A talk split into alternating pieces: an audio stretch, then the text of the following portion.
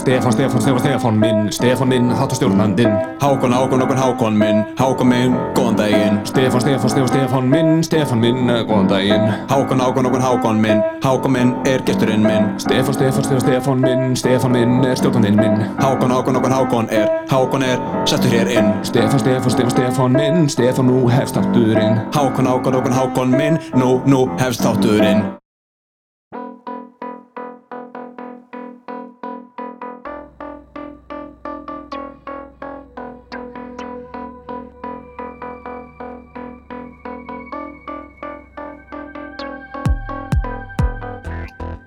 Við skulum heyra aðeins í kostendum þáttarins. Númer eitt, það er Tokyo Sushi. Sko, fólk spyr mér oft hvað er japansk matargerð uh, og uh, til að svara því þá getur sagt sushi er hluti af japanskir matargerð en það er líka margt annað.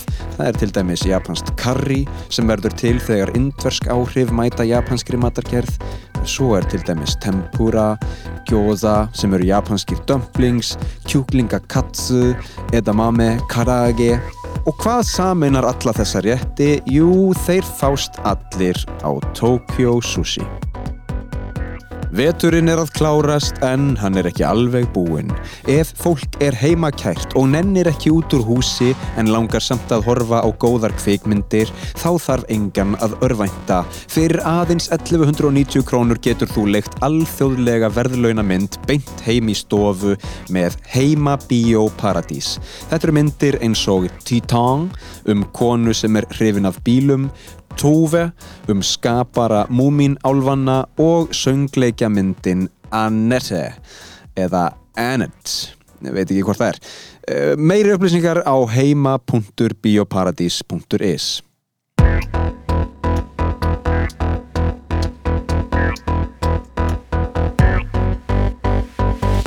Sko, þeir eru með svo og sko ekki bara sofa heldur, heldur það er hérna það er sko belti, bílbelti í sofanum Já, ok.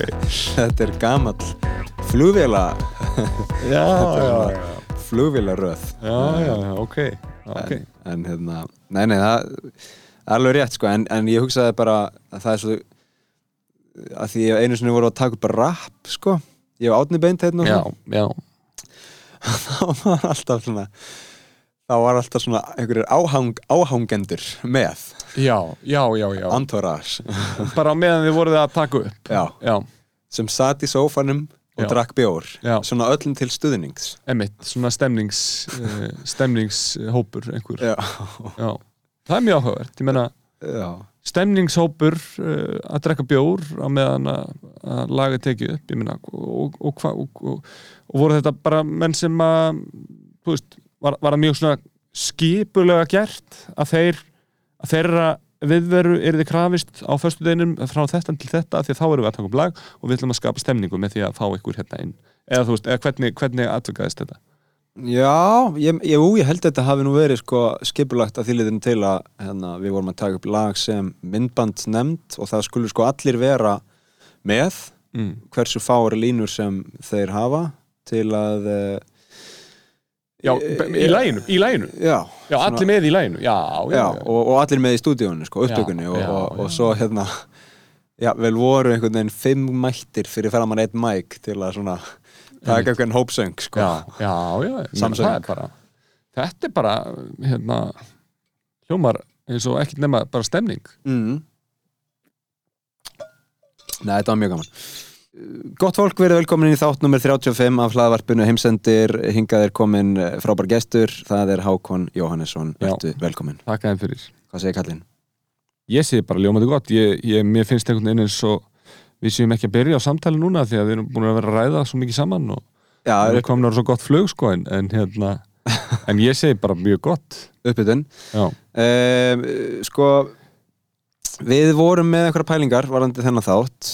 Já, um, við skulum halda bara okkar hérna, halda áfram með, með almenna umræðu til að byrja með en, en svo kannski reynum að uh, svona pivota yfir í já, þessar háflegu pælingar sem við vorum með. Uh, forgangsröðun lífsins uh, Mm. jafnvægi í, í vinnu leik og starfi uh, business or pleasure, eitthvað svona? Já, jafnvægi vinnuleik og starfi Já, já, já, já, já, einmitt.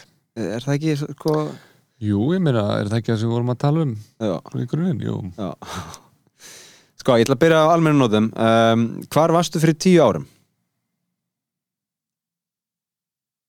já, þá var ég bara 22 ára og hvað var ég að gera? Ég var, ég var örglega var ég bara ekki svona nýjútskjöðar MH og kannski ekki byrjaður í lildskólan 2012 uh, jú, ég menn Jú, nei, nei, nei, þá er ég, þá er ég hérna, allir sé ekki bara ennþá í MH, ég var svo lengi sko. já, já, já. Um, Já, ég, ég, er, ég er bara um, já, ég er á þeim aldrei að ég er að, að útskrifast um mentaskóla um, ég er svona að, að ég, er svona búinn að búinn að fá þá hum, hugmyndu í kollinum hvað ég vil gera þú veist, hvað ég vil, vil starfa. Mm -hmm. og búinn að vera að sinna því í svona af, af kappi í, í kannski, ekkert mjög langan tíma sko, Nei. þarna kannski tvö ár. Um, þannig að þetta þetta, bara, þetta var bara svo góð tími sko. Já, já, að því að mann man leið mjög vel þegar maður svona fekk svona, hafði einhverjum svona staðfestu og bara, já, ég, bara þetta er það sem ég ætla að leggja allt, allt í. Mm og svo bara ferða einhvern veginn sko. en fannst, fannst þér þú vera seitt með það eða? Nei, nei, alls ekki. Mér veist ég ekki seitt með það, en, en, en ég minna bara eins og með, þú veist svo, svo ég tek stundum sem dæmi skrekk, mm þú veist að, að það er yfirleitt svona yfirleitt þeir sem að eru svona, hafa tilneyingu til að hafa áhuga á leiklist eða einhverju einhverju kringu það þeir leita nú svona kannski oft í skrekk sko, en já. ég bara mann eftir því mér datta ekki eins og í hug sko, ég bara, það var ekki eins og bara þú veist, ég eða þú veist, ég bara, ég, ég hefði aldrei gert það skilur, ég hefði bara aldrei farið í skrekk sko, Nei, ekki heldur. Ég gat það ekki, nei, garðbæðingurinn sem Já. ég var já, já, og er. Garðbæðingur já, já, en, já, já, já en, en, en þannig var það og, og hérna og það var bara mjög, mjög fínt og, og ánægilegt að, finna finna fyrir, fyrir því að, hérna að leiklist var eitthvað sem ég vildi gera, ég hefði áhuga á því ég tók einhverja kursa í MH til að byrja með. Og það var upphálega bara til að fá auðveldar einingar sko. Já, já. af því að ég bara sá þetta sem auðveldar einingar af því að maður þurfti ekki að lesa heilu námsbækundar og heldur bara mæta og bara Já. vera með sko í einhverju leikjum. Það er og spænskan sem ég tók í háskólanum til að fá eina góða tíu bara og rífa upp meðalengurina þá var ég sko reybrennandi í spænsku og Já, skráði mig bara í spænsku. Það er svo geggjað að vera reybrennandi í spænsku sko, Já, já, sko ég var með þetta hugsun daginn. Já. uh, af því að, því að maður er bara, maður er bara mjög, mjög svo í ensku. Aha, um, en, en maður hefur uh, ekki svona ekki einhvern veginn uh, farið, farið í þá vinnu að, að, að hérna, fara djúpt í reymana sko. Mhm. Þú veist, það er alveg mikið room for improvement, improvement þar sko og líka bara svona uh, knowledge skilurum, maður þarf að svona kannski þekkja, þú veist, sem mhm. að reyma betur sko. Uh, en það er eitt reymur sem að sem ég hef eiginlega meiri áhuga á því að mastera heldur en allir aðrir reymar Mhm. það er enska með spænskum reym ah, skilur hvað ég minna? Ég skil þig Hann er, er Og þú við veist- reymur sko bara, ég, ég var á Spáni kom, ég var rosa fínum japanskum veitingastað Mhm.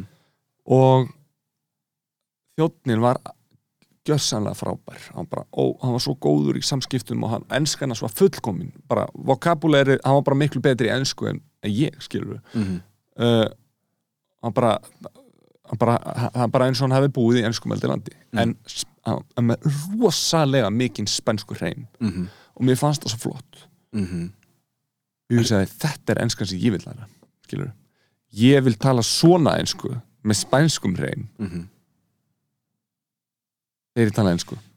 Ertu, ertu búin að æfa þetta eitthvað? nei, Þetta Nei, er, þetta er ég sko meina ég, maður, þarf að, þarf að æfa sig. Mhm. þarf að æfa sig. Þetta er erfiður reymur já, Gæti narkos, ertu að tala um sko spænskur reymur þar að segja frá, mei, frá Spáni eða bara spænsku mælandi reymur þarna, þarna kemur vannþekking mín og reymum inn í, í samtalið sko. Já. ég get ekki sagt hvort það sé norður spátn eða, eða þú veist, hitt eða þetta sko. Nei. það er bara ekki, ekki mínu Sko, Kúp, kúpverskur hreimur Já. á ennsku já, er heldur til dæmis allt annað animal heldur en spænskur já, já, já, þetta er ekki kúberskur heimur. Þetta er, þetta er sp á Spáni. Spáni, já. Já.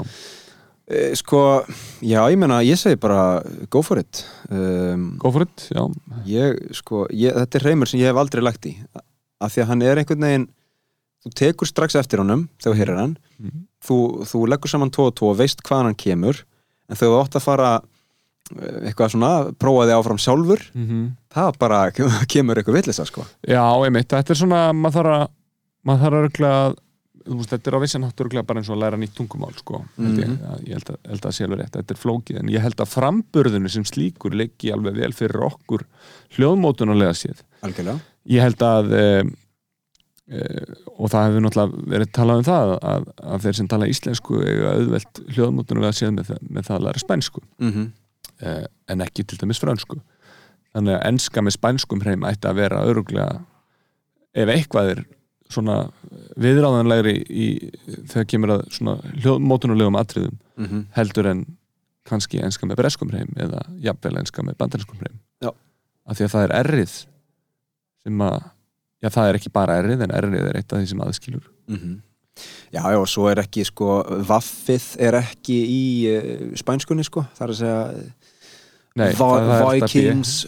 Village. Það var nú það var, hérna, og nú heyrðum daginn það var hérna þjálfari Unai Emery Spánveri sem að þjálfaði Arsenal. Já, hann sagði alltaf good evening. Já,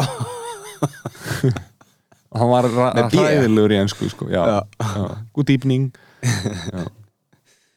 Uh, já, mjög gott sko, en, en ertu að tala um hreimar sem uh, sko og svo, og, svo, og svo var einn Já, fyrir ekki gjör svo vel. Svo var einn, ég var að vinna á jójó uh, Ís. Já, ís, uh, jójó, ferskur jógurt ís. Og þar var ég að vinna með einstaklingi frá Philipsheim sem talaði þá Philipseisku mm og það, það var, á, það var á, mjög áhugaður tungumál. -hmm. uh, sko sko F varð varð alltaf F og Vaff eins og spenskunni var það BP Mm hljóði. -hmm. þannig að allt sem var VF varð B-B-B eins og bara já, já og eins og var að vinna þarna jójó og hann var að kenna mér eitthvað þessi maður. Og við tölum með sko mitt okkar.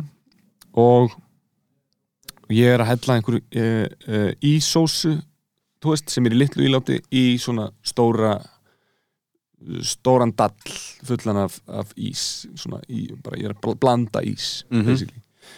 Og, uh, og ég er að hella sósun í og og svo segir hann inap, inap Já, ég bara, what?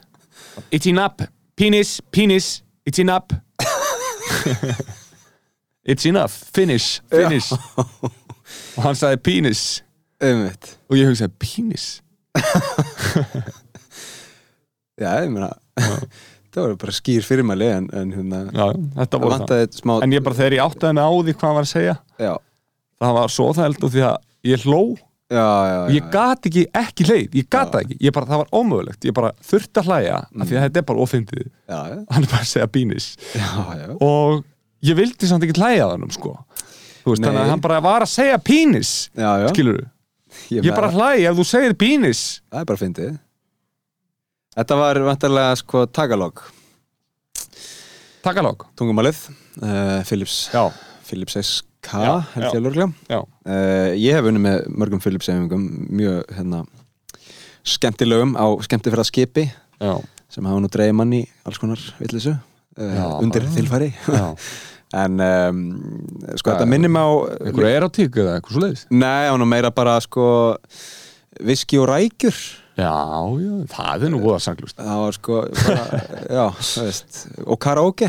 Já, tók já, My Way fyrir, fyrir þau og Æðislegt. þeim fannst það indislegt eðlilega, fallegt sko.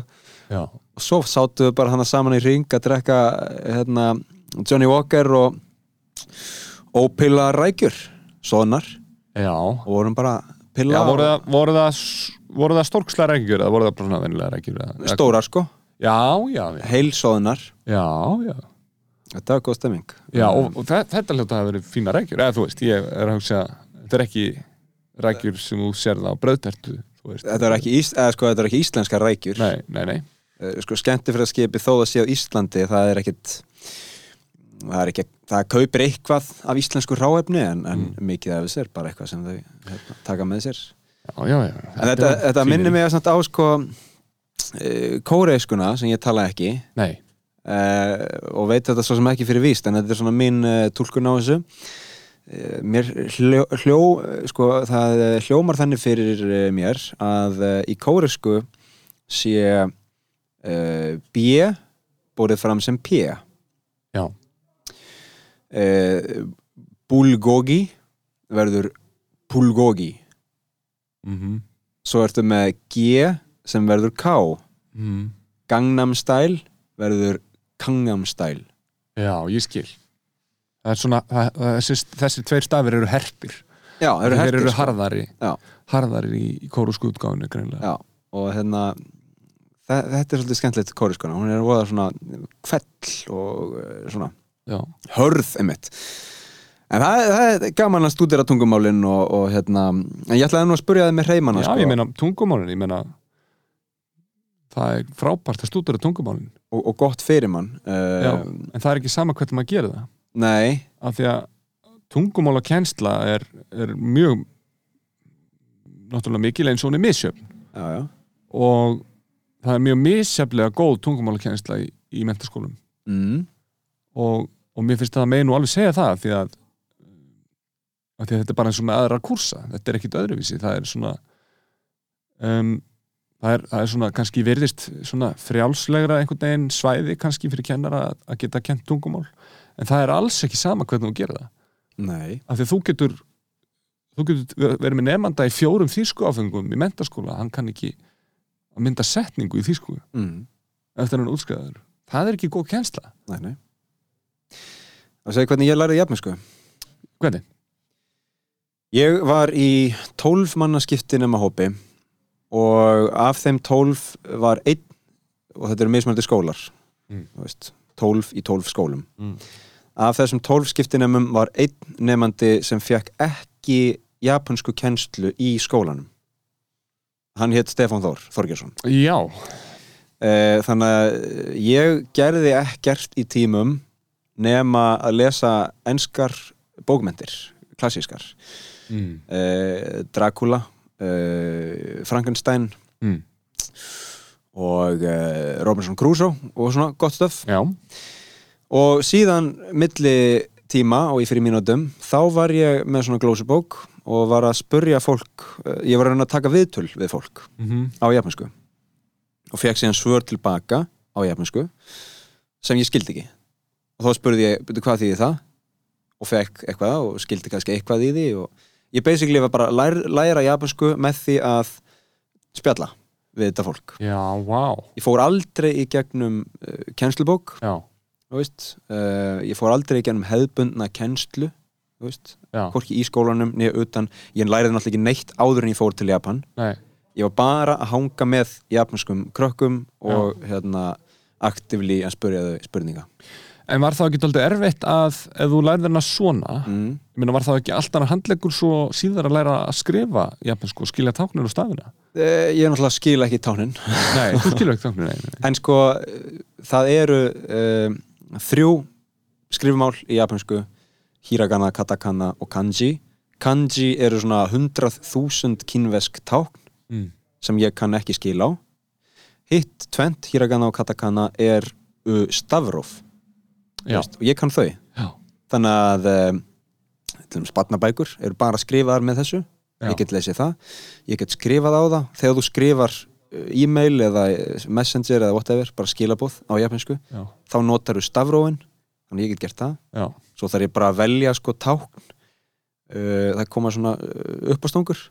En, en, en, en svona hinn almenni Japani kann hann all, all, allar þrjár öll þrjú varjósunin já, og hinn almenni Japani kann kannski svona 30-40 þúsund tákn eitthvað svona Vá, ég meina Eh. það, það er bara eins og það er bara eins og Íslendingur kynni, ég meina 7-8 tungumál, Já, já. eða meina, er það ekki? Var ekki hægt að, stilla því saman þannig? Jú, af því að þetta er sko mjög skipul, skipulega uppbyggt nám þú veist, það eru svona vörður hér og þar uh, eftir annan bekk í grunnskóla áttu að kunna 500 tán, Já, eftir fjórða bekk 2000 tán og svo bara kolla kolli. Já, og við komin upp í 40.000 já. Vá. En þetta tekur bara Heila Utan- eilífð. Utan bókar lærdómur.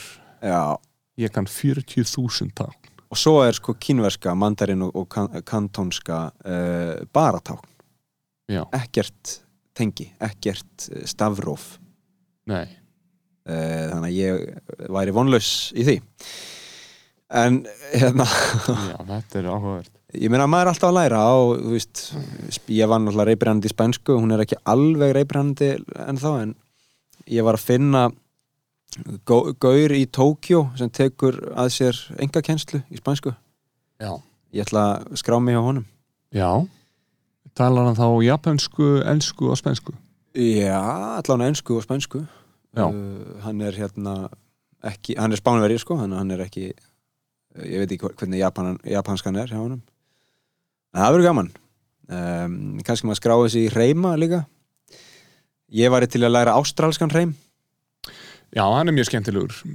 Ég, Svona, ég er, maður er búin að maður, maður er svona allt í einu öðlast eitthvað svona nýjan áhuga á Ástralíu sko, eða þú veist, það er bara það er margt gott sem kemur frá Ástralíu sko. Mm. og uh, og það síðasta s- var það ég var að horfa á þætti sem heita Mr. In Between ok, sem eru ástralskir og bara fara mjög ofalega hjá mér bara yfir bara bestu þætti sem ég séð sko mm. þannig að það var mjög ánægilt og það er bara verið að tala auðvitað bara með ástralskum reym og þetta eru ástralski leikarar og, ástralsk framleysla Eh, þetta er ekkert tengt in-betweeners Nei, þetta er ekki tengt í þetta er bara Mr. In Between og er þetta drama, grín. Þetta er drama, þetta er hérna, drama action. Ok. Þetta er bara svona maður er alveg að nálum sko. Mm. maður bara er alveg sko, veist, maður er alveg bara fuck, bara ég verð að sjá veist, þetta er alveg svona, maður, maður er alveg fer inn í þetta, þetta er svona glæpa, drama dót sko, já, mjög, mjög gaman. Ég meina, ég hef mjög gaman af glæpa drama uh sem að heldur mann á tánum. Það er svo skemmtilegt að horfa finnst mér sko. Já er þetta, þetta er ekki Netflix nei, nei, þetta er ekki, því miður. Sko, uh, það sem er náttúrulega áhugavert í Ástralíu, ég hef aldrei komið þangað um, Það er margt einhvern veginn sem svipar til okkar uh, og, og svona hins vestrana heims með Ástralíu. Já, en samt eru þau einhvern veginn hinum einn á hnettinum. Já, um, og með allt öðruvísi sögu og uh, allt öðruvísi sko, fjölbreytni og eitthvað svona. Um, ég upplöðu þetta eitthvað þegar ég var í Suður Afríku líka sko, já. Neginn svona uh, sko eh, bara sumt svipað og sumt allt öðruvísi. Já, og maður er svona veit ekkert hvar maður er. Nei. Nei, nei. Það er blamálið, þetta eru einsku meðlandi svæði. Mm. og uh, já, já, ég meina þetta er bara þetta er ákveð menningarsjokk og, og ég meina við, við höfum nú báður ferðast þarna eh, til Asíu og, og ég meina það er náttúrulega það er bara, það er bara nýr heimur sem maður kemur inn í. Ég fótt í Sýrland þegar ég var í nýjundabæk það var bara það var algjörlega bara það var bara þetta var algjörlega ný upplifun. 2001 eða, Nei, nei, þegar ég var nýjöndabæk, það er nú ekki allt 2001, það er 2000, nei, bekkur 2009. Jesus, maður. 2009, Eh, eitthvað svoleiðis? já. Alltaf þessi ekki bara þá? Páskana 2009 um, Þá, mamma mín bjóðar sko, hún var að vinna sem friðarkessluliði ok.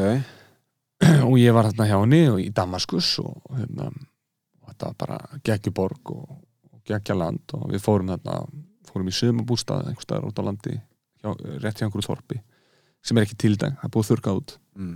það er bara nálægt landamæru Sýrlands og Tyrklands. Um, en þarna var bara, þú veist, við bara fóru og kerðum yfir landamærin til Þýrklands ekkert vesen og bara, þú veist allt, allt mjög friðsælt sko, allt mjög bara svona mjög bara civilized og, og flott sko. Já, já. En auðvitað svona eins og eins og manni þykir kannski skrítið að það voru hengu stóra myndir af forsetanum. Þú veist, út um allt. Mm. svona sem að auðvitað gefur manni þá tilfinningu að, að það sé kannski ekki allir sem að stiðjan heldur verða kannski bara svolítið mikið að stiðjan sko. Mm Það er bara að flokkurinn. Já, Sko, já, já, algjörlega. Maður hefur séð myndir bara náttúrulega fyrir alls konar svona svæðið áður en stríð hófust. Já, og svo eftir stríð eða í stríði. Um, Sko, ég ég ætla að henda á þig einni spurninguna um, varandi vinnu já. ef við, við pivotum yfir í það. Uh, sko, hva, veist, hvað er vinna og hversu mikið á að vinna? Um, hvað gerir vinna fyrir okkur? Af hverju erum við að vinna Já. Vinna er eitthvað sem maður getur náttúrulega stýrt svolítið sjálfur, maður getur haft mjög mikil áhrif á eitthvað maður vinnur. Það er bara þannig. Þannig að auðvitað, auðvitað eru til aðstæður og, og fullt af aðstæðum þar sem að þar sem að vinna er ekki, þú veist, eins mikið val fyrir suma og aðra og þetta eru til forréttindi og hýrarkja og alls konar uh, flokkar í þessu. Uh, sumir fæðast með silfurskeiði munni aðrir bara akkurat á hinum ásnum. En uh, en ef maður svona setur bara grunnar þetta alveg og hugsa bara vinna er eitthvað sem þú ert að fara að eyða einu þriðja eðin í. Bara alveg eins mikil grunnur og það, og það gerist.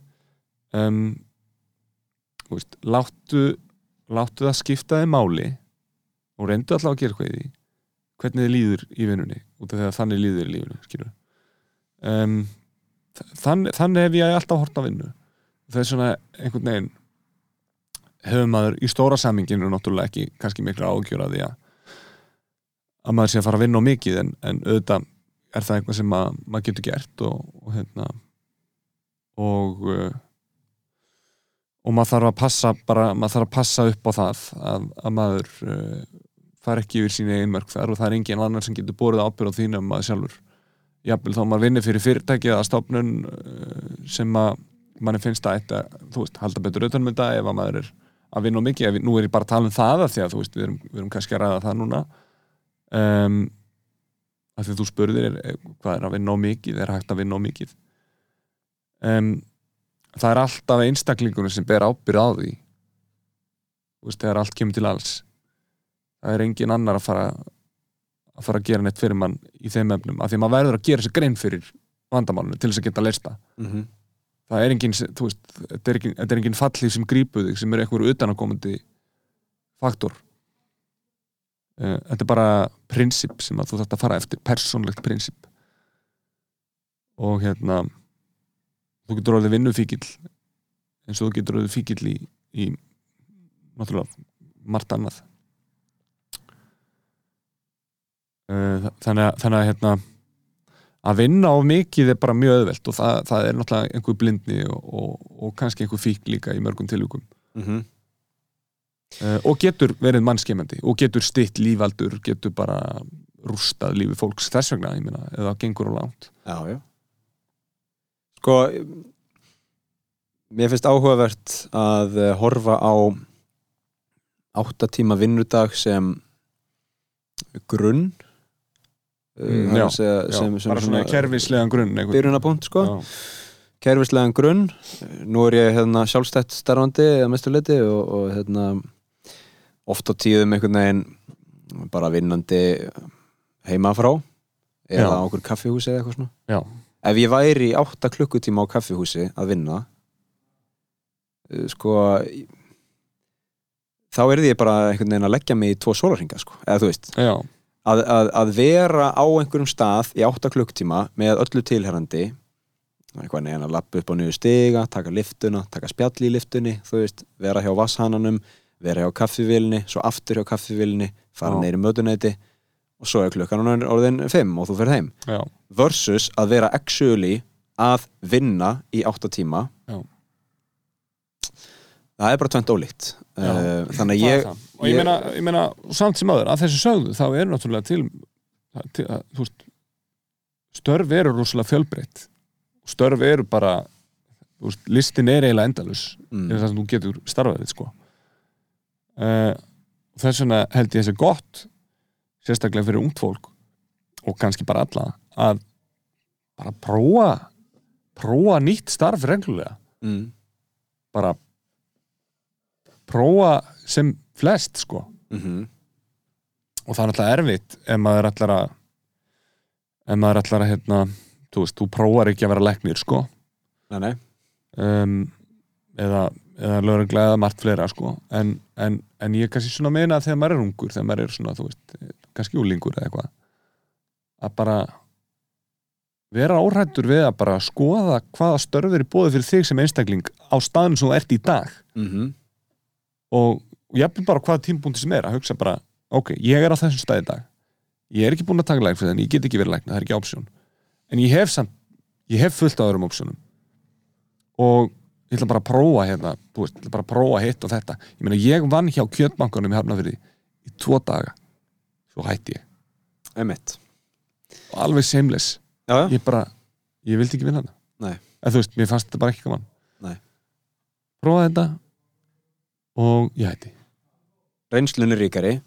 Uh, hvað, en, en eitthvað svona eftirminnilegt eða eitthvað starf sem gaf þér uh, kannski meira en þú bjóst við? Hvað segir hvað segir uh, uh, starf sem að gaf mér, gaf mér meira enn í bjósti þar sem þú lærðir meira en þú hefðir haldið? Já, mm, já, maður alltaf lærir, lærir mikið að því að vera í öllum sem vinnum um, Já, náttúrulega ég var náttúrulega kannski ekkit mjög sáttur með það sko þegar ég var 13 ára allir, allir vinni mínir í árgangnum fór í úlingavinnuna mm -hmm. og, uh, og ef ég þyrfti að vinna þá þú veist, fannst mér bara basic að ég færi í það líka sko en, en, uh, en svo kom svona upp uh, að að pappi var með mögulega vinnu fyrir mig á Grand Hotel Reykjavík og uh, það var náttúrulega ég ætla ekki að segja að það hef eitthvað, verið eitthvað sem ég vildi ekki en, en, en svona það var alltaf, það var alltaf svona þægilegri kostur í höfðun á mér að fara í júlingavinnuna sko. en ég ákvaða að prófa þetta á endanum og svo gerði ég það aftur næsta ár sko. á meðan allir hinn voru, í júlingavinnunni ég held að hérna, bara svona, bara svona í, í svona einhverju vinnu, vinnu eðli og vinnu umhverfi hafi ég örgulega lært meira heldur en krakkarnir í júlingavinnunni sko Mm -hmm. Uh, að því ég var bara að gera fjölbreyttar hluti fyrsta lagi og uh, og það sem ég gerði það, hafði, það velti í alveg á því hvernig fólk upplýði einhverja þjónustu sem að skipti bara með mjög máli sko. Mhm. þannig, að- þannig að það var bara veist, ég var vitnaði að stelpa sem var á mínum aldri þarna, þetta fyrsta sumar sem ég var að vinna, hún var rekin að því að hún bara var ekki, bara viðmótið hennar var bara bara gekk ekki upp bara gast, getur þau bara þegar þú ert á hóteli, skilur þú það verður bara að taka vinnuna ekki mikið alvarlega þegar maður er á þessum aldri, jafnvel. Um, já, já, ég er nú bara líka þú veist um, þú veist þetta er ekkert sem ég hugsa eitthvað mikið um en, en, en svona var þetta og Sko, ein, ein, eitt einskot uh, í Japan þá er tekið fyrir að fólk sé að vinna mjög mikið þangað til að það útskrifast úr háskóla. Já, sem ég skil bara ekki neitt. Nei. mér finnst það alveg fáránlega stefna. Uh, skiptir náttúrulega ekkit öllu máli að vera eitthvað vinna fyrir eitthvað klink í vasan þó að það sé náttúrulega skemmtilegt. Mm. en ég er miklu frekar eins og þú segir að öðlast einhverja reynslu og, og hérna kynnast ég vel fólki og, og hafa kannski sko upplifað nóg fjölbreytt störf til að vita að einhverju leiti hvað þú sækist í já, þegar að því kemur að taka aðeins stærri ákvörðun Já, þó hún þurfi ekki að vera endanleg. Nei, nei. Þú að- bara, þú veist þú veist, ef þú ert með reynslu þá veistu að þér þykir þessi típa störfum skemmtilegur en þessi. Mhm. og uh, þú, þú veist eftir því sem að störfun eru fleiri því stærri svona fíl tefur til að til að til að velja úr sko. Og gefið að þú búir í landi þar sem valið er þitt. Já, af því að sko Já, já. í Japan ertu annarkvort uh, vinnandi einhvern veginn, salarímann þú veist eða uh, þú ert manneskja sem svona plægir þinn eigin agur skiluru, mm. ferð þínar eigin leiðir. Já, en ef þú ert vinnandi salarímann þá er í raun engin stefna þú ert ekkit eitthvað þú veist, mig langar að læra þetta svo ég geti orðið þetta nema það sé eitthvað sérhæft eins og læknir já. almennt fer fólk bara í þú veist, viðskiptafræði og sækir síðan um í Mitsubishi, Japan Airlines og um, Toshiba En, en, en fólk í Japan, þú veist, því, ok, þú talar um þess að tværi leiðir salarimann og svo fara sína eigin leiðir, Mhm. planta sína eigin agur Mhm. Um, þú færi þá eintalega á einhverjum tímapunkti að hugsa uh, já, nú komið að ég þarf að velja hvort ég ætla að fara þessa salarimann leið mm -hmm. eða planta með eigin farm og það er ekkit, það, það er bara alveg, alveg gott að velja báða kosti eða, eða hvernig er það mm, Nei, ég meina, ég myndi segja að það að velja að fara einn leiðir sé mjög svona stigma já, það er Já, það er miklu meira svona, er miklu meira svona, það er miklu meira svona, já, sko, hann bara far og varð salarimann, það er bara mjög flott hjá þessum, eða þú veist, eða hvernig, hvernig er það? hann er bara á beinu brautinni Hann er á í lífinu. beinu breytin, já. Veist, þetta er bara eins og hérna, eitthvað svona college dropout í bandaríkunum Já, þú veist Já. um, bara hvað meinar, ég mig langar bara að hérna, stopna eigi fyrirtæki sem þú veist, selur ískápa eða eitthvað svona bara, þetta er bara rugglegaður, þú eru bara að fara inn í stórfyrirtæki og vera þar í 50 ár. Málið dött fyrir ekki að stopna eigi fyrirtæki. Það er nóga fyrirtækjum í Japan, hvað ætlar að stopna eitthvað fyrirtæki? Veist, þetta er bara ruggl og þú ert bara hérna, já, er ég að fara að sérhæfa mig í flugvílum, er ég að fara að sérhæfa mig í bílum? Eða í tölvum?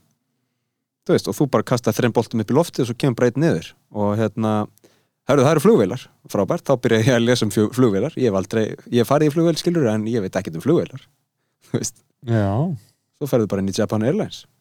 Eins og konan mín gerði. Já, já, já, já. og fílaði ekki neitt og hætti. Nei, Já, og kom til Íslands. Já, einmitt. Já, já, þetta er náttúrulega bara allt annað heimur. já um, En ég minna, hver er maður svo sem að segja að þetta, þetta sé verið heimur? Maður bara, þetta er svo, þetta er bara langt frá manni, það er það sem það er. Og, Já, algjörlega og það, það sem er svona um, þú veist það er ekki þar með sagt að fólk sem er salarimann sé sko óhamingi saman bara alls ekki, þú veist nei, það er kannski bara meira þannig að, að hérna, vinnan er eitt og lífið utan vinnunar er bara allt annað akkurat, já, akkurat, einmitt. Já, já, og, og þú veist, og það er alveg, það er alveg millipunktar í þessu viðþorfi, sko, sem að, sem að ég var nú að ræða á þann, en, en, en þú veist, auðvitað, auðvitað getur engin einn aðili sagt öllum hvernig maður á að horfa vinnuna.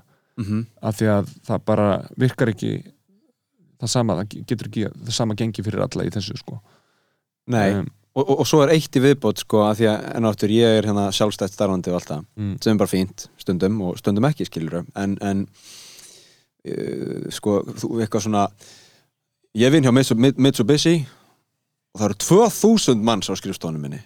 Já, og við erum öll eins klætt og þegar við fyrir ársatíð þá er sko stemming já, og já, þetta er svona þú tilheyrir og þið eruð í samkeppni við Toyota og Ford Mhm. og Volvo skiluru Já, já. og þið farið í, í businessferð til uh, Svíþjóðar mm, og hérna uh, skoðið Volvo og, og svona tvíeblist og viljið gera betur og eitthvað svona, eitthvað, Mhm. eitthvað svona að tilheyra og að vera hluta af einhverju samfélagi ég hugsa að þetta sé uh, kostur að einhverju leiti við Mhm. að vera uh, salarimann í, um, í Japan já, svona eins og í, þú veist, Wolf of Wall Street þegar hann er með hérna, mikrofónin í, Já. á enninu, skilur Einmitt. allir sjúklega peppaðir já, saman já, maður til er einhverju liði og maður er partur af teimi sem að, maður hefur áhuga og kannski metnað fyrir að gera vel Mhm.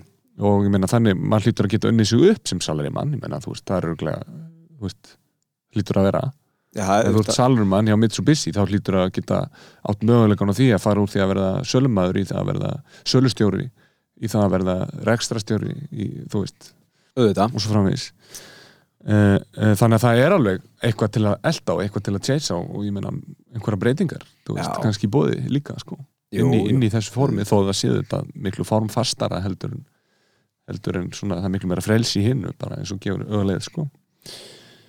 En, en svo, svo er það áhugamálin þú já, veist, já, tíminn utan vinnunar mm, uh, Máur minn, hann hérna vinnur hjá fyrirtæki sem byggir hótel og, og íbúðablokkir. Mhm. og bara það er bara fínt. En síðan er hann hérna uh, veiði fíkill já, og fer að veiða uh, allar helgar. Já, og veiðir mikið. Og hérna kom til Íslands og fórum með hann að veiða og á menninganótt og eitthvað svona. Hann vildi ekkert fara á menninganótt, vildi bara fara að veiða. Mm, þannig að hann, hann fekk, fekk að gera það þá, þú veist, og hann er bara bara mjög hamgisamur, þú veist, hann er bara með vinnuna hún fjármagnar veiði fíknina innan gætsaleppa já og eh, bara eitthvað skonar ja- jafnvægi og, og bara Já, ég næs. meina, það, það er bara frábært á meðan hann hatar ekki vinnuna, skilur við þá er þetta bara, já, já. þá er þetta bara gott Ert þú með einhver áhugamál? Já, ég, ég er alltaf í pílu núna, sko Mm. ég er mikill pílukastari, sko og er komið mitt eigi spjald og svona og, hérna, búin að keppa á tveimum mótum og svona. Og, um, það er svona það, það er svona undarfærið verið, verið kannski svona mest ábyrjandi áhugamálið, sko. Mm -hmm. utan vinnunar en vinnan alltaf hefur verið að taka, taka bara mm, þú veist, mikinn tíma sem er, er líka gott af því að, að að vinna mín er náttúrulega líka áhugamáli mitt sko. Um, þannig að hérna þannig að já, ég meina ég, ég, ég vildi ég hefði svona langan áhugaður að lista yfir áhugamál sko, ég bara eh, sko, ég held bara að margir sem að er að hlusta myndu bara að fara að geispa sko, af því að þú veist, ég bara, ég get nefnt fótbolta og eitthvað skilur en, en, en ég held að það sé bara þú veist, ekki, ekki eitthvað sem að sem að fólk endilega fyrst byrja að heyra sko.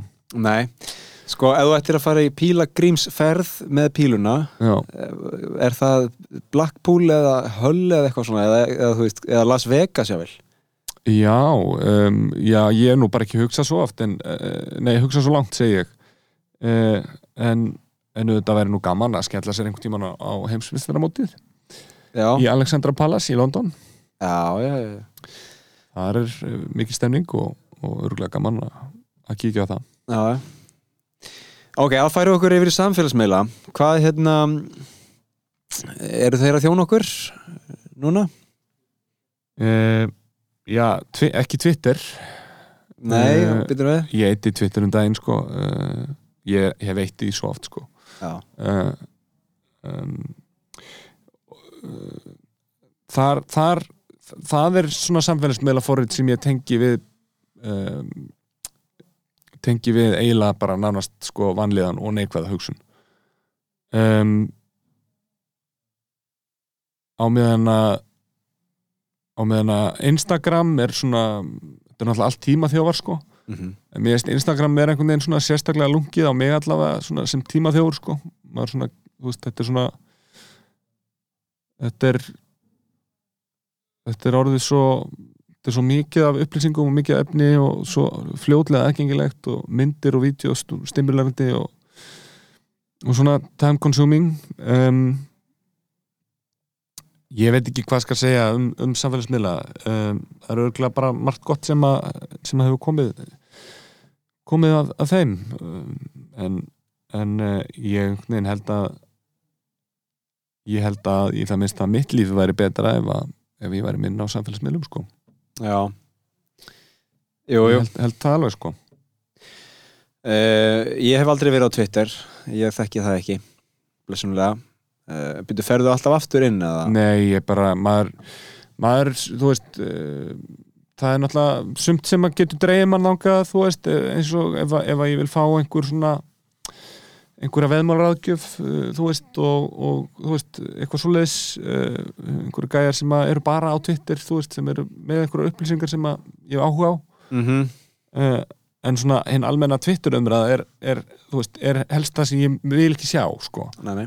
uh, þannig að maður reynir að sneða framjá því en, en að því er bara svo outrageous og, og svo fáralegt að, að hérna að maður bara horfir á það ég meina, fólk er bara þarna í fólk er bara þarna í hnífabardaga sko, Mm og er að stinga og, og fá hníf síðan í sig sko. -hmm.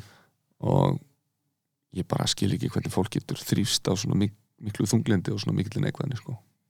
Ég bara skil það ekki. E, Sko, já, ég heldur að COVID hafi ítt fleirum í uh, bardaga á Twitter? Nei, ég, ég, þú veist, ég veit ekki. Ég myndi ekki, ég myndi ekki halda það sérstaklega sko. Nei. ég held að bara ég kannski hefur COVID orðið til þess að fólk hefur orðið svona kannski ómikið samara á einhvern nátt eða eitthvað, ég veit það ekki. Það getur verið, sko ég varð náttúrulega frétta hérna sjúklingur eða sko fíkill Já, í COVID og, og eimir, eimir sterklega enn af því og, bætir ekki úr skák að uh, það sé stríð mm. í Úkrænu ég er sko á Vísi og uh, BBC uh, í svona tvo tíma dag Já, og ertu þá að lesa fréttir? Já, ég reyni það reyndar að, hérna, Ég meina, þú ert að lesa fréttir þú veist, það er náttúrulega ég ætla ekki að segja að það sé allt í lagi eða það sé gott eða þú veist, ef þú finnur að tveir tímar dagur og mikið og svona, þá náttúrulega það maður að skoða það en, en, en ég myndi nú að kalla það svona bara frekar, frekar allt í lagi, sko frekar, frekar allt í lagi að, að vera að lesa fréttir, sko, af því að ég meina, þú ert að lesa fréttir á BBC, það er allt í lagi. Það er það sem ég hugsa. Ég, ég, ég hugsa að sé allt í lagi sko, og ég reyna að gera það meira fyrirpart dags. Já, en svona síðasta yfirferðin mm, rétt fyrir svepp veginn. Já. En svo er þetta mismunandi, ég meina sérinn kona mín, hún hérna, getur ekki sopnað nema hún einhvern veginn skrolli í gegnum heila fréttavetu. Nei, einmitt, já, já. Um, Það er náttúrulega ekki gott en, en, um, en ég minna þú veist maður veit að það er ekki gott að, að vera með síman sinna á gottanum sko. maður veit að það er ekki gott fyrir mann Sko, eitt sem ég upplifið mjög ótt og sérstaklega hérna núna þegar ég er í fjarsambandi og eitthvað svona og er mikið einn, mikið Mm. hættinum um, að þá er maður einhvern veginn kannski að borða hátegismat heima, þú veist og þú ert kannski sjö mínútur að borða Já.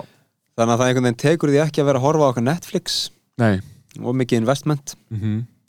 þá vil maður eitthvað bitast ætt, þá fer maður á YouTube og ég er orðin uh, svolítið húgt líka á svona frétta skýringar brotum og, Já. og jafnvel svona illustreruðum kortum, landakortum og this is why, this is why Putin has in- invaded og eitthvað svona Já skiluru, mm -hmm. að sjá kortin og eitthvað hérna the diplomacy of, of the Black Sea og eitthvað svona dot. Mhm. ég er mjög mikið að horfa á eitthvað svona Já, kannast þú þetta? já, já, já kannast aðeins við þetta sko um, Já, þessar fréttaskýringar sko þau- stríðið og, og fleira ég meina, ég, ég veit ekki ég, ég er kannski ekkert mikið í því sko sjálfur en ég, hérna- ég, ætla að senda á þig hérna. Helviti góð síða Caspian Report. Já, það er strákur frá Azerbaijan. Hann er mjög góður sko. Shivan einmitt. heitir hann. Um, en ok, þú nefnir á hann hérna veðmálar áðgjöf, hvað hérna ertu í fótboltabettum eða? Já, maður er í svona, já, já, þetta er svona bara áhuga, áhuga mál. Já, Fyrst, svo komum nú aftur yfir, þau. Uh, uh, Já, já, þetta er ég, ég er svona, mér finnst gaman að spekulera í í, eh, í tækifærindu gróða mm, uh, á sviði íþróttaveðmála. Hefur auðgast uh, uh, Já, það hefur, það hefur bara komið fyrir að, að það það hefur alveg gerst og og, uh, og og það er náttúrulega svona gengur auðvitað best þegar maður næra aðskilja sko, þú veist uh, kannski svona að veðja á þeim forsundum að maður voni að eitthvað gerist og svo að veðja á eitthvað því að það er bara það eru yfirgnafandi tölfræðilega líkur að það gerist. Mm, um, eins, eins, og, eins og munurinn á uh, að gambla í kasínó annars vegar og að fjárfesta í hlutabyrjum hins vegar. Já, ég myndi segja að þetta væri bara eins og munurinn af því að tippa á Liverpool af því þú heldur með Liverpool. Uh, og að tippa á að það verði 11 hotspinnur eða meira í þessum leik af því að á öllu tímabilinu hjá Liverpool heimaðalli og Burnley út eða þá hefur það gerst mm -hmm. og stuðullin er mjög góður á það. Þannig að ástunamögulegn eru góðir. Tölfræðin bakkar þetta upp. Uh, að sjá tækifæri í því. En þetta er ekki svona eins og í kasínóinu þú ert þetta með 50 skall. Mm. þú er búin að ákveða að uh, það sé svona perishable. Það má alveg fyrnast og Nei, þetta er ekki eins og í kasínóinu að því leiti sko þú ert í strategi og, og Já, og ég reyni að, að hérna, já, já, maður er með alls konar aðferðir og, og svona leiðir sko. Já, en, en auðvitað er þetta líka smá vinna að gera þetta. Mhm. það, þú veist, maður þarf að hafa áhuga á þessu til þess að sinna þessu. Ég hef hann. Uh, ég held að það sé engin engin svona fundamental munur á þessu og og uh, hlutabræðiðskiptum uh, að því leitinu til að þetta er bara þetta er veðmál. Og spákaupmennska sem er orð sem er oft notað yfir hlutabræðiðskipti þýðir samt bara veðmál. Mm spákaupmennska er bara aðeins fýtna orð en en þetta er það sama. Já. sami hlutur.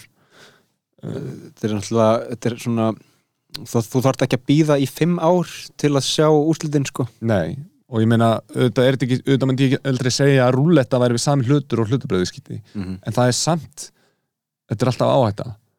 Þú hefur kannski engar forsendur í rúlettunni þannig að það svona er daldið auðvelt að kannski að, að horfa á rúlettun og segja já já, það er náttúrulega auðvelslega ekki það er ekki einn spákaupmennska af því að þú veist, þú, þú, það er bókstaflega ómögulegt að spá fyrir um hvað mann gerist í rúlettu það er gjörsamlega ómögulegt. -hmm. um, en þú getur spáð fyrir fullt af hlutum sem að uh, sem er hægt að veðja fyrir og veðja og, og veðja með og, og svo framvís og er þetta skemmtilegt þar að segja sko á meðan þú ert að horfa á leik eh, þar sem er kannski þú ert búin að læna upp maður, gerir, maður horfir svo sem ekkert alltaf á leikina sko. nei, nei, nei. maður bara gerir þetta kynir sér tölfræðina og svo bara verður maður að gera eitthvað annað sko. Ah, já.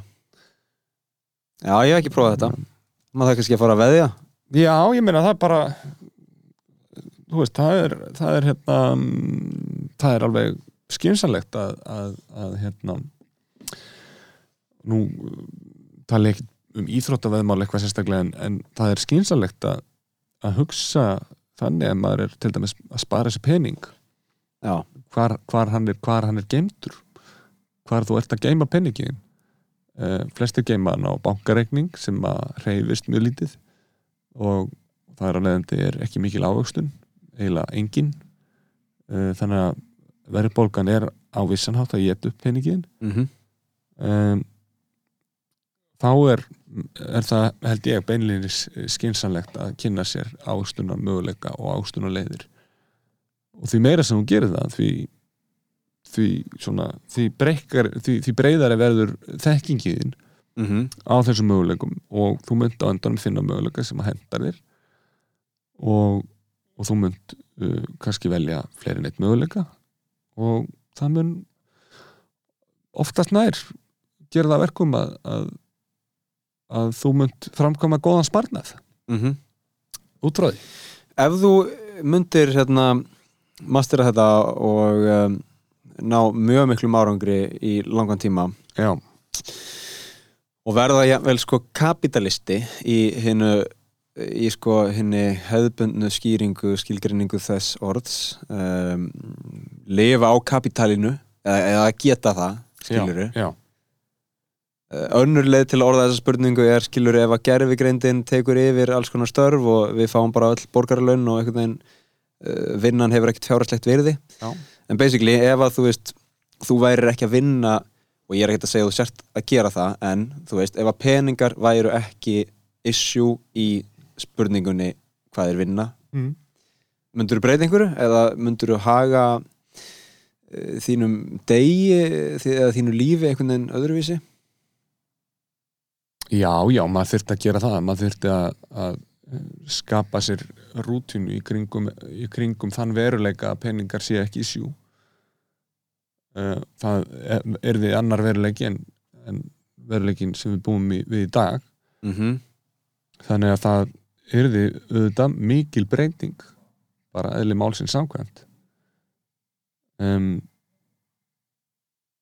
það er alveg ómöld að segja fyrir mig hvað ég myndi gera en ég meina, ég myndi alltaf gera eitthvað sem að myndi gefa mér annað og, og þú veist og maður hefur, maður hefur sem betur fyrir blessunulega þá hefur maður margt annað að elda en bara peninga. Mm þannig að, að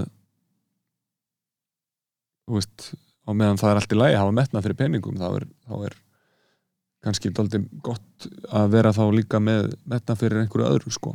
Já, Þannig, Ég, ég, ég hugsa að það væri gaman að gera sko leikhús um, án þess að uh, án þess að vera háður því að um, viðskipta áætlunum í kringum það verkefni þurfa að ganga upp. Já. Já, emitt emitt sko, sko, sko að það sem ég á við þegar þú ert að keppa við Netflix já, eða, eða TikTok já. með leikhús mm -hmm. uh, þá ertu mjög ólíklegur til að vinna. Já, ef þú ert að keppa um aðtikli og, og uh, já, tíma þú ert ekki að fara að vinna þann bara Nei. Þú veist þannig að hérna uh, það er í raun bara veist þetta er gamla, gamla góða dæmið einhvern veginn okkur, þurfa listamenn listamanna laun? Já, uh, jú, jú það er af því að uh, þau eru ekki að uh, keppa sömu keppni, þau eru ekki að taka þátt í skiluru sama markaði. Nei emitt þetta er allt annað animal sko. Já, já, einmitt. Uh, og, og þessi þessi, þessar streymisveitur eru náttúrulega orðnar uh, og þetta eru, þetta eru með ríkustu fyrirtækjum í heimi núna í dag. Já, já.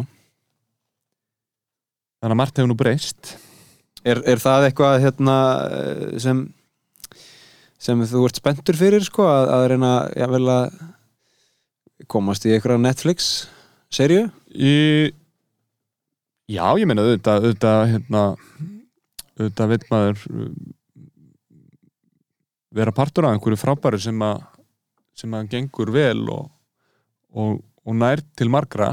Já, og það er náttúrulega besta leiðin til að gera það með svona sjónvarpi í dagir gegnum þessar já en, eh, en maður hefur samt ekki hugsað eitthvað svona, þú veist með beinum hætti ég vil vera í Netflix-seri, skilur uh,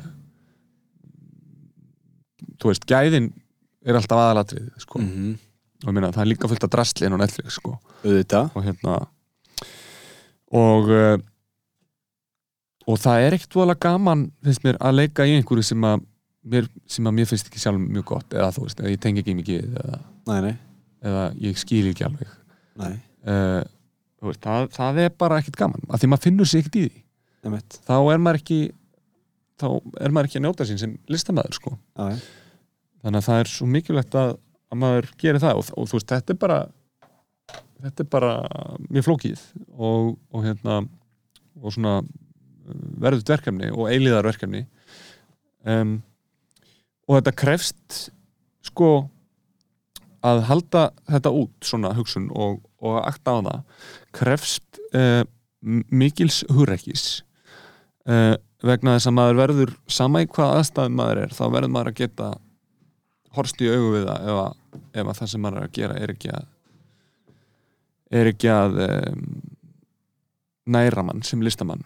Mm uh, eða maður, mann finnst maður vera að staðina eða, eða ég veit ekki, eitthvað. Já, þá verður maður að hafa hugrekki og kraft til þess að takast á það og breyta til.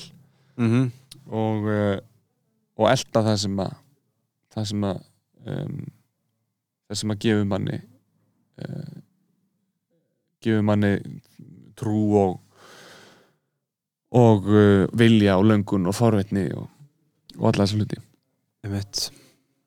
Já, ég er kannski bara uh, í einhverjum ofmiklum draumórum sko í framtíðarsýninni að, að þú veist, vera eitthvað svona uh, hvað ef að peningar væri ekki issue, væri maður þá bara í einhverju tilrunarleikhúsi myndu fleiri mæta á tilrunarleikhús væri fleiri, færi söngleikir eitthvað svona. Kannski er sko, kannski ekki mótlætið en svona brekkan Já, nöðsynlegur hluti af því að einmitt vera í rannsókn og vera að gera eitthvað nýtt og Já, vera að og ég meina peningar eru líka alveg frábærir sko. Já, já, veist, við þurfum að hafa gjaldmiðil. Við verðum að hafa eitthvað til að setja virði á eitthvað. Mm uh, þannig vinnum við vinnum við fyrir hlutum og vinnum okkur inn kredit. Þú veist, þetta er bara uh, við, við myndum alltaf ein, hafa einhvers konar gjaldmiðil, ég held að við séum bara það sé bara, þú veist, ég held að það við erum bara manneskjur, við erum bara að gera það til að þau eru að hafa einhvern gjaldmiðil, einhvers konar já. þannig að ef það var ekki peningar þá væri það eitthvað annað. Það er bara skelljar já, emitt uh, eða einhver, einhver svona trade deals eða þú veist, bara hva- hvað sem það kann að vera. En uh, ég held ég, ef, ég, ef ég er reyna að sjá fyrir mér heim þar sem það er engin gjaldmiðl og ekkert kostar neitt þá sé ég bara fyrir mér heim þar sem að mjög margir eiga bara mjög erfitt með að finna sér fótfestu í heiminum og Mm fólk byrja bara að, að um, já, fólk byrja að, að í raun og veru bara örglega að fara ítla með salt sig. Já, já. af því að það sér ekki virði einhvern veginn í, í hlutunum. Ég held að, ég held að það eru miklu fleiri sko ég held að það eru bara ef, að, ef að við varum að lifa í heimi þar sem er ekki gjaldmiðil en það er bara ekki konsept þá værum við bara með við varum með miklu, miklu meira áfengis vandamál og, og vímöfna vandamál og fólk væri heimilislaust og, og væri að lifa mjög, mjög svona dimmu og myrku lífi sko, Mm held ég, í miklu, miklu, miklu meiri mæli. Nú er kulnun í starfi þeng Já, sko, ef að ég væri fórsett Íslands Mm. eða sko hann hefur nú kannski ekkit svo mikil völd um, ef ég væri einhvern veginn hugmynda einráður Íslands já, þá uh, myndi ég vilja herma eitt scenarió að prófa það sko, að vera með sko einhver staðar uh, bara í Skorradal eða Kjósinni eða eitthvað svona. Já, vera með uh, svona kommunu já, þar sem fólk fer í yfir sumarið, þú veist, segjum fjóra, fimm mánuði. Og þarf að uh, stopna samfélag eins og maður gerir bara í Age of Empires. Spilaður hann ekkert hann uh, nei. Það er bara, þú einhvern veginn mætir, það er eitt hús og, og, og fólkið mætir og sumir byrja að týna ber og sumir byrja að veiða fisk og, og aðrir byrja að hérna, fella tré. Já, og svo bara byrjar að byggja þorp og það kemst fljótt um, í ljós hverjir henda í hvað og, og hérna, hvernig öllum kemur saman einhvern veginn og í svona þrjá, fjóra, fimm mánuði þá eru þið saman að vinna með höndunum og, og hérna út í náttúru og þú veist, kumbaya við eldinn og kvöldinn og okkar svona dott og uh, eftir sumari kemur bara algjörlega innblásinn og, og hérna eh, til í að koma aftur inn í hvað sem starfið var sem þú hérna, fústur. Þetta er svona, þetta er einhver hugssjón já, þetta er mér líst mjög vel að þetta. Já, Þetta er svona eh, kennir, kennir fólki sjálfbærni og og og tekur fólk aftur í kjarnan ég held að þetta sé eitthvað sem að örglega flestir myndi þurfa á að halda og, og myndi gera gott fyrir held í alla sko. Já. Þetta er náttúrulega bara drauma scenario sem þú ert að lýsa sko. Já ég held þá, ég er nefnilega ekki einu svona grínast sko, Nei, nei, ég meina ég er, ég er bara alveg þar. Ég meina ég held að þetta sé bara þetta er bara það sem að mun leysa okkur öll okkar vandamál. Mhm, það er bara að bara stíga tilbaka fara í grunninn uh, bara hætta, hætta þessari flegiferð mhm. og bara draga andan taka stórt skrið tilbaka og, og einhvern veginn finna það að maður er sjálfur sér nægur og, og náttúrun er allt í kringum hann og, Algjörlega og svona þetta er ekkert sko þetta er engin svartigaldur þetta er bara mjög basic Já. Uh, þú veist, ef þú ætlar að vera að vinna í flúrlýsingu og uh, í skiluru steinsteipu blokk eða whatever og ert þar í, í þú veist, fjóra, fimm, sex tíma þá er mjög gott fyrir þig að taka næstu þrjá uh, sérst, tvo, þrjá tíma af deginum í, út í garði, skiluru já, í útiveru í útiveru, sko. Algjörlega sammála já. uh, sko, maður heyrir fréttir af stórborgum erlendis mikið í Austur-Asíu þar sem fólk bara hefur aldrei verið í nefni náttúru og þú veist, hvort sem það er gott eða slæmt, ég veit það ekki, ég hef ekki komið ánga en, en þá er bara verið að búa til einhverja garða upp á skíakljúfum og, og hérna, fólk er að rækta gullrættur og svölunum hjá sér og eitthvað svona dót. Maður veit það ekki. Uh, kannski væri betra að, að þau tækju tvo daga í mánuði út í skógi, þú veist, Mhm. ég veit það ekki. En hérna en þetta er allavega einhver lausn sem kemur til greina. Mm. og mega bara sens. Já, já, hún gerir það. Hún gerir það, það er ekki nokkuð spurning. Herðu, ef þú ert, eru þeir að búa einhvers staðar annar staðar en á Íslandi hvar væri það? Það er bara góð spurning. Ég, Kanada hef ég hugsað um. Mm. um, Mér finnst það svona ágætis alternatíð við bandaríkin. Ekki það, ég væri alveg til að búa í bandaríkinum þannlega en, en, en, en Kanada fannst mér eitthvað spennandi kostur. Uh, Ég hef búið í Danmörku. Ég væri alveg myndi alveg geta hugsað mér það einhvern tímann aftur. Um, Já, ég, ég sjálfur sér, ég sjálfur sér sko, ætti spurningin að vera hvar myndi ég ekki vilja búa sko, eða þú veist, Ok. upp að vissu marki því að þú veist, ég held að ég held að eh, ég held að sé fullt af uh, fullt af löndum sem að maður bara hefur ekki einu sinni kynnt sér sko, sem að sem að ef að myndi koma upp einhvern tíman Mm að, að þá myndi maður örgla bara taka vel í það sko. En, þannig, en, en, en, en þetta kannski, þú veist, kemur út eins og skringil út sko að því að, að, því að gerir mér náttúrulega grein fyrir því að, rosa, rosa misjæft ástand viðsvegar í heiminum sko. Uh, ég var með kannski alltaf svona Evrópukort í hausnum á mér þegar ég sagði þetta sko. Þannig að ég er kannski, kannski svolítið að tala um þann, það mengi. Mm -hmm. um, uh, svona það sem maður sko, kannski svona þekkir þekkir hvað mest sko eða svona getur kannski verið leita mest við. En ég veit það ekki ég, ég, ég meina búa erlendis, ég held að það það efli mann og, og, og þroski mann og ég held að það sé mjög holdt ég er alveg sammála hafandi gert það og, og, og allt það sko. Um, en ég hef svo sem ekki farið eitthvað allt og langt út fyrir ramman kannski Costa Rica það var lífið aðeins öðruvísi en hérna heima. Já, en sko, ég heyrði skemmtilegt í gær Mm. um, enn og aftur, mágur minn var að tala um það að japanskur efnahagur væri ekki í uh, góðum málum og, og hérna og uh, þau ætluðu eitthvað svona að mynda eitthvað stefnu og, og hans uh, framtíðar spávarandi það var að uh, eftir einhver áratugi þá yrði Japan eins og Thailand hvað varðar uh, verðlagningu.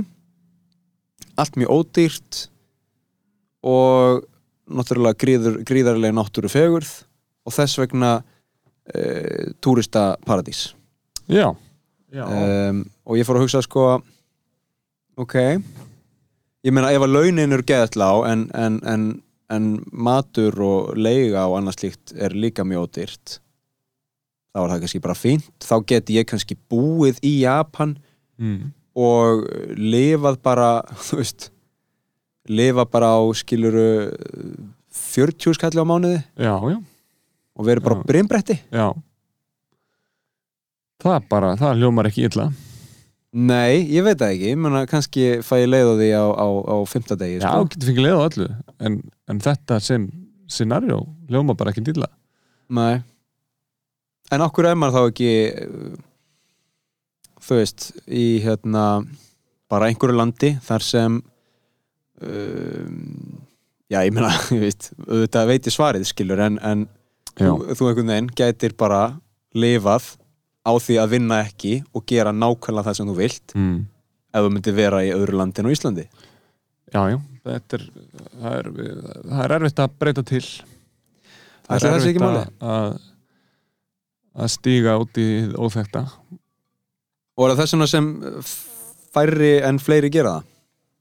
Já, ég, ég veit það ekki en, en ég get alveg ímyndað með það það sé, það sé stór stór uh, faktor sem liggja á baki sko mm. ok, hérna árið 2022 hvernig sér það árið fyrir? Ég er búin að vera að spurja fólk uh, hvort það sé með nýjársheit Uh, nú er að koma apríl þannig að það er kannski fínt að breyta því en, en veist, ertu markmiða drifin eða ertu ertu bara, Já, ég er markmiðadrifin ok um, og, og mér finnst mjög mikilvægt að, að hafa markmið og, uh, og og ég hugsa mjög mikið uh, ef ég ef, ef, ef, að, ef að það er eitthvað svona kannski svolítið mikið langtíma markmið sem að við langar að vinna þá, þá hef ég mjög gaman að því að brjóta það niður og, og, og, og svona uh, gera hluti í smáum skrefum sko. Mm og, og hérna, mér finnst gaman að taka markmið sem að kannski virðast erfið og brjóta þau niður og, og gera þau viðráðanleg sko. ok, um, og og uh, eins finnst mér líka gaman að, að sko að uh, að velta því fyrir mér hvað ég get gert jafnvel bara e- eins, eins lítið gagn og það kann að hafa en það er að segja en þó eitthvað gagn að þá bara láta það vaða og gera það mm um, uh, af, því að, af því að þannig, bara, þannig, þannig kemst maður áfram sko. veist, þannig, þannig eflir maður sjálfa sig ok um, ertu með eitthvað dæmi? uh, já, ég, ég til dæmis þegar ég var að fara að útskrifast úr leikliðskólanum þá þá hérna þá hringdi ég bara í mjög marga einstaklinga sem að starfa uh, í í, já, í, í þessum leiklist að gera og, og, og mér segja bara út fyrir hann. Bara fólk sem ég hafði áhuga að vinna með og fólk sem að, sem að hérna, mér varst að vera að gera spennandi hluti. Og ég bara kynnti mig og, og, og hérna óskaði ég eftir bara kaffiballa eða eitthvað sko og hérna. Og og svo bara, þú veist, sá ég ba- bara hvort það var einhver tenging eða hvort það var eitthvað, einhver skemmtun, eitthvað flæði í samtalinu. Mm -hmm. um, það var kannski svolítið líkilatrið að, að maður var ekki að ætlast til neins eða þú veist, maður var ekki svona of mikið að láta vita af sér sko, skilur þú veist, meira bara þú veist, bara sittast niður með manneski og ræða við hana sko. Um, en þetta var mjög erfitt. Það var mjög erfitt að gera þetta. Það var ekki auðvelt um, að, að bara ringi eitthvað svona í fólk Mm -hmm. alveg blind sko. En ég hugsaði ég býja hérna á Íslandi ef ég byggi í bandaríkjunum og væri í svipuðum pælingum þá gæti ég ekki, ég hefði ekki einu svona aðgangað þessum símanúmerum. Og ég held að það sé svolítið sérstakt að hafa aðgangað öllum þessum símanúmerum sko og, og þessum upplýsingum. Mm -hmm. og, og vera svona nálaldi að geta tala við í raun og veru hvert sem maður vill sko þannig að ég, ég bara kausa að horfa það sem auðlind sem að mér bara, bara maður ætti bara að nýta sér sko og, og það hefur ekkert nema eld sjálf á mig sko Mm -hmm. og uh, og þú veist, í öllu falli eru þetta baby steps í áttina því að líða betur af því að þannig er ég líka bara að, að leifa hugrekkinu að ráða för sko, Mm -hmm. Þú veist, þótt að það sé auðvelt að sleppa þessu og auðvelt að hugsa, já, æ þú veist, þetta breytir engu. Já, og líka auðvelt get ég ímyndað mér sko að hlusta á ykkur svona stereotypu rattir sko og neikvænis rattir jafnvel um að þú veist, veist þetta sé nú svolítið skrítið eða óheðbundið eða þetta er óhefbundi já sko, Ég meina- en ætti alls ekki að vera það? Ég meina, Nei, ég meina, þú veist það fer náttúrulega eftir hvern, þú veist, hérna þetta er kannski óþeubundið af því að það er held ég auðvelt að fara kannski í leið að þessu sem er ekki mjög svona um, já, bara ekki, ekki kannski alveg rétt uh, þú veist, maður þarf að forsendurnar þurfa að vera svolítið hreinar mm og skýrar og ekki of sjálfsmiðaðar -hmm. og ekki of svona ekki of svona um, að ég veit ekki, nú tala ég náttúrulega bara fyrir sjálf mig sko en, en uh, bara mikilvægt að maður sé ekki að um, ætlast til neins eða gera kröfu á eitt eða neitt Mm -hmm. maður bara maður er bara manneskja, forvitin manneskja sem maður langar að kynast annari manneskju og, og uh, það er það er ekkert meira sko. Nei. Ég, ég bara mér finnst þetta aðdánavert sko. Ég, þú veist ég kannski hérna kæmist næst í að tengja við þetta uh, út frá bara ferðalögum sem ég hef verið á. Já. nú hef ég mikið verið ég bjó einn í Costa Rica, ég bjó einn í Japan líka og var að ferðast mikið einn og eitthvað svona. Um, og skilur uh, maður einhvern veginn á til að bara bara byrja að spjalla við næsta mann og sérstaklega sko í Costa Rica þá bara leiti þetta oft til bara vinasambands mm. en á mörgum stöðum og í mörgum tilvikum væri maður álitin bara skrýðin skilur já, bara, veist, já, meina bara ekki bóði að haga sér svona, einhvern veginn. Nei, nei, ég meina það er bara það er bara eins og það er ég meina það já, já, maður getur svo sem ekkert ekkert gert við því en, en hérna, nei, ég meina maður getur ekki látið það stýra sinni samfæringu sko. Nei, nei. Auðvitað, auðvitað á maður að tæmja sér síði og venjur og og, uh, og, og, og hérna og reyna að vera svona þægilegur í samskiptum og og uh, já bara já, þú veist, maður vill eiga góð samskipti, mm það er bara þannig. En uh, en ef að þín samfæring um góð samskipti er einhvern veginn og og einhverjum finnst það óhefbundið eða eitthvað þá, þá aftur ekki að láta það stýra stýra viljánuðinum eða impulsinuðinum nei, nei, þú bara, þú bara þú, þú, verður að finna það hjá sjálfu þér já, já sko nú er ég að fara til Japan uh, í, í bransa þar sem ég þekki ein, eða sko ég þekki einhverja en ekkert þannig vel og náttúrulega enginn þekkir mig og ég er ekki að fara eða ég meina ég mun gera það ef ég get það en ég býst svona ekki, einhvern veginn ekki við því að ég geti tekið kaffibólla með hverjum sem er Nei. þó að það væri mjög næs eins og þú talar um sko Já, en ég meina þú getur já, ég meina, kannski, kannski getur það kannski getur kannski getur þú bara senda á allar japansku agencies mm þú veist sem þú finnur. Já já, það eru margar sko. Já, og bara, það er bara það er eitt risastórt verkefni. Já já. Já, ég, ég verð að gera eitthvað þannig sko. Það er örglega bara, örglega nóg hægt að gera sko. Er eitthvað sem þú ert að fara að gera í ár sem þú ert að byggja svona upp uh, lítil skref, stort markmið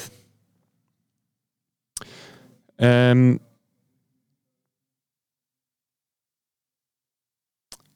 Já, ég, svona, það kemur ekkert eitthvað eitthva eitt verkefni upp í hugan en, en ég er náttúrulega um, uh, svona vinnutengt. Þá er ég náttúrulega bara að að vinna uh, hjá þjóðlíkusnu og, og uh, þar er bara þar kemur bara verkefni fyrir verkefni fyrir verkefni og, og maður tekur það svolítið bara svona eitt verkefni einu og og uh, og það á svo sem eftir að koma í ljós hvort að, hvort að hérna, e, hvernig framaldið verður sko. E, þannig að, þannig að það, það er náttúrulega, þú veist, allt næsta haust og, og, fram að árumóndum er, er óráðið og ekki, ekki komið, komið að reynd hvað verður sko þannig að hérna þannig að maður er, maður er svolítið svona að horfa á þann tíma sem mögulegan tíma fyrir eitthvað svo leiðis mm -hmm. um, ef ekki þá verður það mögulega tími fyrir eitthvað annað en, en ég veit ekki hvað það, hvað það verður sko. en jújú, jú, ég menna þú veist það er alls konar sem að, maður, er að, er að dóla sér í ég, hérna uh, ég er búin að vera að, að svona fara í gegnum uh, voice memos hjá mér Mm -hmm. sem eru alveg bara frá því 2017 og ég er að flokka þau niður og, og er að skrifa niður það sem að mér finnst um, verðt að skrifa niður og, og, og, og búa mér til svona ákveði gagnasapp bara Mm -hmm. af, af senum og, og, og lögum og, og, bara ýmsum ýmsum atvikum og, og atriðum og hugleðingum og bara alls konar. Og uh, það, það, eitthvað, eitthvað mun ég vilja, vilja leika mér með það, ég veit ekki í hvaða formi en, en ég mun, mun um, klálega gera það. Ertu með einhvern prósess í eh, svona sköpun, eh, þú veist, ef við tökum bara til dæmis tónlist Ertu með einhvern sérstakann prósess? Nei, nei, nei, ég er ekki með neitt, prósess, ég er náttúrulega bara er, er uh, pianospillari eh, og uh, og nota það nú mjög oft sko. Uh, og uh, svo svo var ég svona að leika mér við það að semja tónlist bara um, þegar ég var í, í nýjunda og tíunda bekk í grunnskóla og svona aðeins inn í mentaskóla um, þannig að maður hefur svona maður hefur kýtlað þessar taugar áður og, og, og, og maður vil alltaf svona halda þeim svona nokkuð stimúlirum Mm -hmm. það er, það er bara mjög gaman sko. Mjög gott. Já, Herðu, við erum að fara um við af öll já heldur betur. Ég segi bara ef þú eh, finnur ekkert hérna, annað að gera í, í haust þá bara kemur til Japan og já, ég, ég verð að koma til Japan. Það er ekki Hérna- spurning lifir þar á, á 40 krónum á mánuði og já, einmitt. verður í geggjum málum bara. Já, það hljómar ekki illa. Herðu Hákon, þakka þér kærlega fyrir komuna. Sömulegis, takk fyrir mig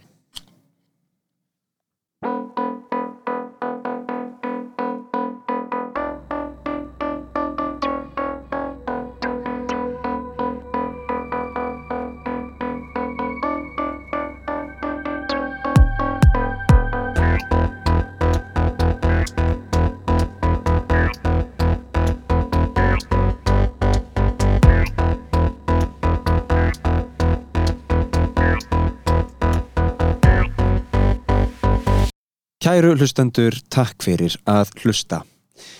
Í dag eins og oft áður byggjum einn greiða, eh, sami greiði og síðast og þar þar þar síðast en hann er að eh, henda í follow á Spotify og eða að eh, gefa þáttur um engun eða umsögn á Apple Podcasts. Þetta tekur ekki langa tíma, þetta eru svona 30 sekundur úr þínu lífi sem þú væri þá að gefa mér og ég myndi þakka þér kærlega fyrir það og senda þér gott karma á móti. Vonandi geti þið e, gert þetta, gert mér þennan greiða. Það væri frábært fyrir alla algoritmana og allt það. Takk fyrir það, takk fyrir að hlusta og við heyrumst í næsta þætti.